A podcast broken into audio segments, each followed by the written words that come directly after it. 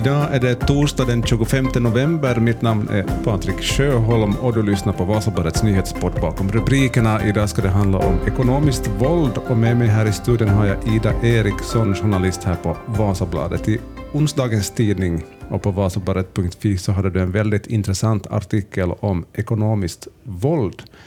Om vi börjar med det att för det första, vad är ekonomiskt våld? Ekonomiskt våld är en rätt okänd form av våld.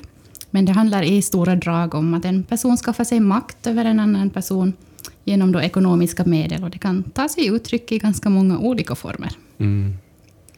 Hur ser det ut? Så kan man, finns det något exempel på hur det ser ut i, i praktiken, ekonomiskt våld?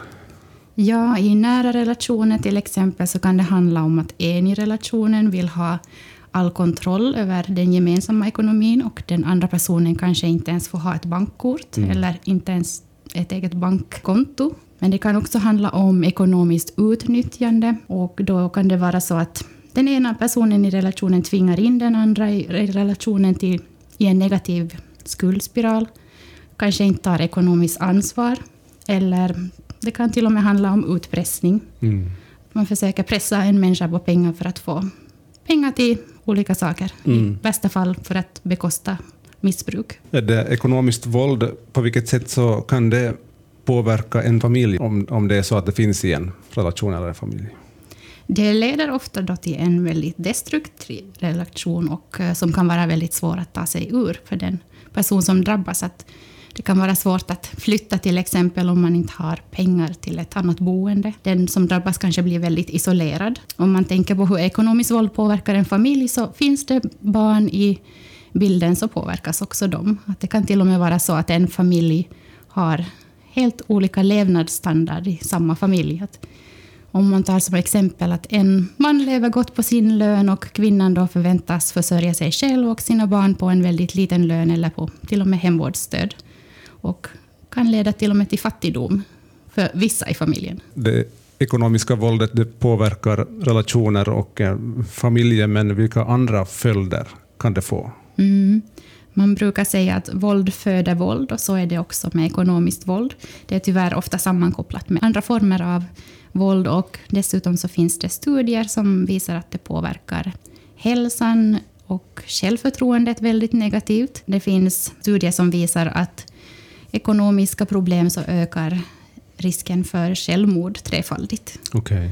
Det är ju ganska anmärkningsvärt. Ja, det kan få riktigt, riktigt allvarliga följder. Det kan få allvarliga följder. Som du skrev i din artikel så finns det här nu då lokalt ett initiativ eller ett projekt som uppmärksammar den här problematiken. Vad handlar det här om? Mm, det finns ett projekt, ett nytt startprojekt som styrs från Vasa och Sankt Mikkel och det går under namnet Känd ekonomiska våldet. Det utförs då i samarbete med bland annat Mödraskyddshemmet i Vasa och syftet med projektet är att synliggöra att det finns ett sådant här problem och att det har ett namn och att det är en, situation som man inte ska acceptera. Finns det någon orsak till varför man vill uppmärksamma den här frågan just nu? Eller? De här föreningarna som har initierat projektet så har märkt i klientarbetet att det här är en form av våld som förekommer att det är ganska vanligt, men att det kanske inte finns ännu metoder som man kan använda som, för att hjälpa de här människorna på bästa sätt. Och det är en, ett mål med det här projektet, att utveckla nya hjälpmetoder. I den här artikeln som du skrev som finns på vasobladet.fi, där finns också en del anonyma berättelser om det ekonomiska våldet. Kan man säga någonting om hur klientarbetet kring de här frågorna ser ut? Eh, det finns egentligen ingen utpräglad mall för hur det här mötet mellan klient och professionell ska se ut. Och det är också någonting man strävar efter i det här projektet, att ringa in hur det ekonomiska våldet ser ut och hur man bäst hjälper klienter.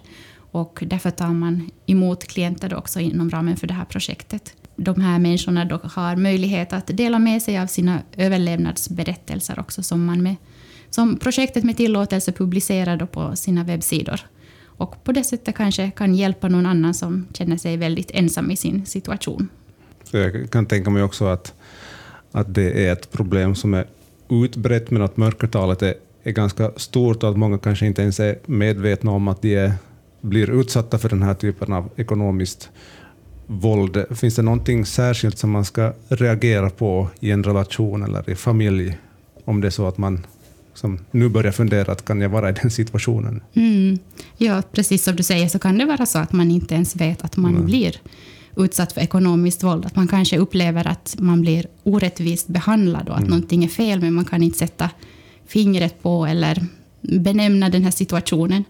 Men att det som man kan ta fasta på är att, eller en bra minnesregel är att i en hälsosam relation så ska det inte finnas rädsla för den andra parten och inte heller rädsla för den andras reaktioner på olika saker. Det ska understrykas då att alla har rätt att ha insyn i sin egen ekonomi och ha kontroll över sina egna pengar och om det inte är så, så då är det någonting som inte stämmer. För mig så var det här alltså bara begreppet ekonomiskt våld någonting som inte jag ens hade hört om tidigare, men jag kan tänka mig att om man får så här att man får sätta ord på någonting, det här är ekonomiskt våld, det är det här, så då kan det också bli lättare för någon att faktiskt som inse att nej, det är den situationen som hen befinner sig i och det är just ekonomiskt våld.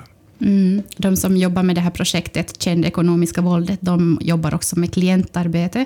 Och de beskriver just det här som du sa, att när, när man får sätta eh, ord på vad det är man går igenom, att det blir som en aha-upplevelse och en stor lättnad också. Att det kanske inte är någonting man bara inbillar sig, eller att mm. det faktiskt är ett verkligt problem. Precis. Vet man alls hur utbrett det ekonomiska våldet är? Tyvärr är det så att forskningen är ganska knapphändig om det här problemet i Finland. Mm. Och därför är det svårt att svara på hur många som drabbas av det. Och likadant är det i Sverige. Där finns det inte heller forskning på hur, hur utbrett problem det är, men att där bedömer i alla fall olika hjälporganisationer att det är ett ganska stort problem. Eller ett vanligt förekommande problem. Mm, precis. Uh, om man befinner sig i en situation där man känner att det är just ekonomiskt våld man är utsatt för, hur, hur får man hjälp? Vart ska man vända sig?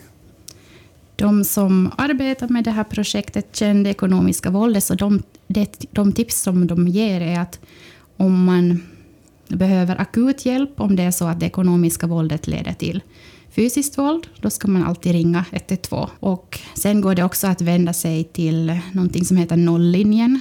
Det är en telefontjänst som man kan vända sig till och de hjälper i, i sådana frågor där det är våld i nära relationer och de ger råd och hjälp hur man kan ta sig vidare. Och um, i Vasa så kan man vända sig till mödraskyddshemmet om det är så att man behöver ta sig loss från den här relationen, man behöver någonstans att landa, så kan de vara ett alternativ. De har också en öppenvårdsenhet som heter Avoki, och till dem kan man också boka tid för att få stöd och hjälp därifrån.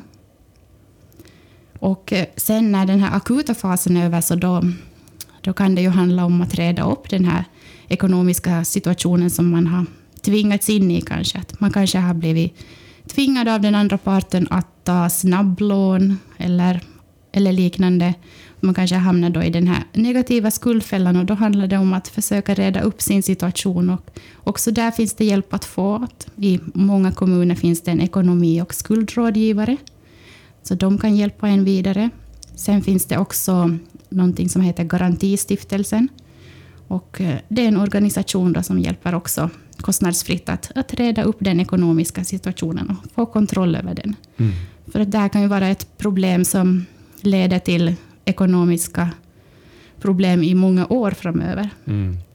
Och det är också det som de som jobbar med det här projektet understryker, att man ska sätta stopp för det här ekonomiska våldet så snabbt som möjligt, för innan det blir värre. Att man, man kan inte göra någonting åt hur det har varit, men, men det är viktigt att sätta stopp för för problemet så att det inte eskalerar. Mm. Att det kan handla om jättestora ekonomiska problem om det får fortsätta. Precis, att ju tidigare man kan och, och vågar ta itu med det, desto större sannolikhet är det att man kan reda upp det. Så är det, ja. ja. Jättebra att vi här på slutet uppmärksammade hur man får hjälp och vart man ska vända sig, för hjälp finns att få för, de här, för, för sådana som upplever att de behöver den och är utsatta för, det, för ekonomiskt våld. De som jobbar med det här problemet så understryker ändå att det viktigaste är att den som drabbas av ekonomiskt våld, är att, eller vilken form av våld som helst, är att man berättar för någon om problemen. Och att även om det är svårt att ta det där första steget så är det viktigt att aldrig acceptera en tillvaro där det förekommer kränkningar, våld. Och det finns hjälp att få också för den som drabbas av den här typen av våld. Den här artikeln som Ida har skrivit den hittar du förstås på vasabladet.fi eller då i onsdagens Vasabladet. Där finns intervju också med de från Vasamödra och skyddshem. Tusen tack ska du ha för det här, Ida. Tack ska du ha.